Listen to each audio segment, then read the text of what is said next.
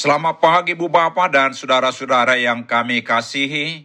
Kami dari Yayasan Badan Kerjasama Marturia mengucapkan selamat beraktivitas hari ini di dalam penyertaan Tuhan kita Yesus Kristus. Ulama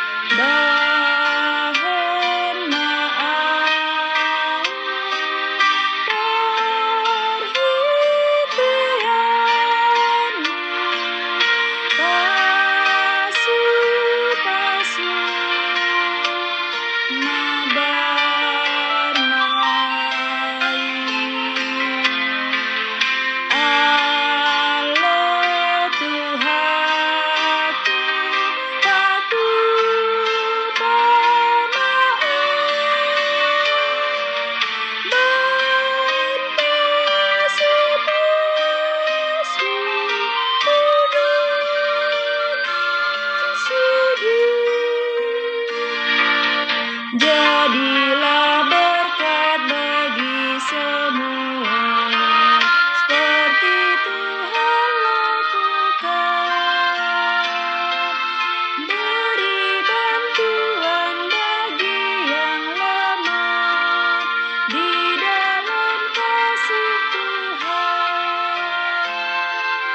Pakailah aku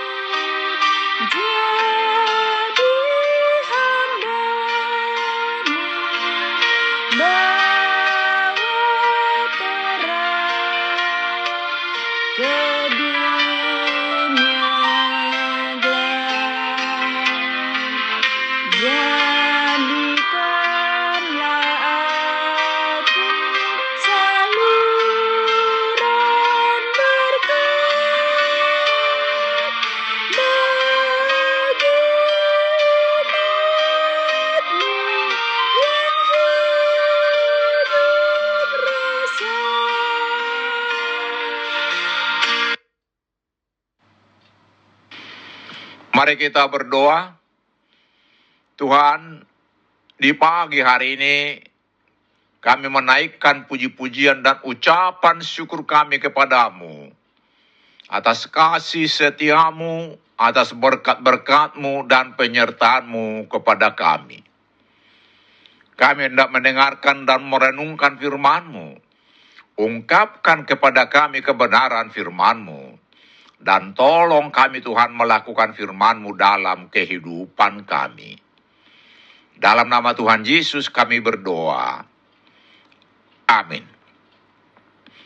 Saudara-saudara yang dikasihi Tuhan Yesus, firman Tuhan untuk kita renungkan di pagi hari ini terambil dari Ayub 6 ayat 14 dengan tema simpati dan belas kasihan demikian firman Tuhan. Siapa menahan kasih sayang terhadap sesamanya, melalaikan takut akan yang maha kuasa. Saudara-saudara yang dikasihi Tuhan Yesus, ayat ini adalah kalimat terakhir dari kemarahan Ayub terhadap sahabatnya. Dalam terjemahan lain, ayat ini berbunyi, Orang yang putus asa sepatutnya dikasihani oleh sahabatnya, sekalipun orang itu mengabaikan ketakwaan kepada Yang Maha Kuasa. Seseorang yang menderita mengharapkan simpati dari kawan-kawannya. Ayub berharap sahabatnya menghibur dan menyemangati dia. Tetapi justru sebaliknya, sahabatnya itu justru menuduh dia telah melakukan dosa besar, sehingga Tuhan menghukum dia dengan penderitaan berat itu. Saudara-saudara yang dikasihi Tuhan Yesus, Dalam persekutuan yang sejati, bila ada anggota yang menderita, yang lain haruslah memberi simpati, yaitu turut merasakan penderitaan orang lain. Simpati berkata, "Saya memahami apa yang sedang Anda alami." Alkitab berkata, supaya sebagai orang-orang kudus, tunjukkanlah simpati, kebaikan, kerendahan hati, kelemah lembutan, dan kesabaran. Kolose 3 ayat 12. Simpati memenuhi dua kebutuhan dasar manusia yaitu kebutuhan untuk dipahami dan kebutuhan agar perasaan kita diterima. Setiap kali kita memahami dan menerima perasaan seseorang, kita membangun persekutuan yang sejati. Tetapi kita sering terlalu tergesa-gesa membereskan berbagai hal sehingga kita tidak memiliki waktu untuk bersimpati. Alkitab memerintahkan, bertolong-tolonganlah menanggung bebanmu, demikianlah kamu memenuhi hukum Tuhan. Galatia 2. Pada masa-masa krisis, duka cita, kebimbangan yang dalamlah kita paling membutuhkan satu sama lain. Saudara-saudara yang dikasihi Tuhan Yesus, persekutuan sejati haruslah menjadi tempat mewujudkan kasih karunia, di mana setiap orang saling berbelas kasihan.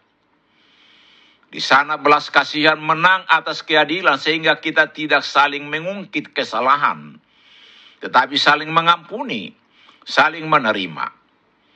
Allah berfirman bahwa bila ada orang yang berbuat dosa, kita hendaknya mengampuni dan menguatkannya sehingga dia tidak menyerah dalam keputusasaan. 2 Korintus 2 ayat 7. Allah telah berbelas kasihan kepada kita sehingga kita juga haruslah saling berbelas kasihan kepada sesama. Amin. Mari kita berdoa. Tuhan Yesus, ajar kami agar turut merasakan penderitaan orang lain, dan kami saling berbelas kasihan satu sama lain.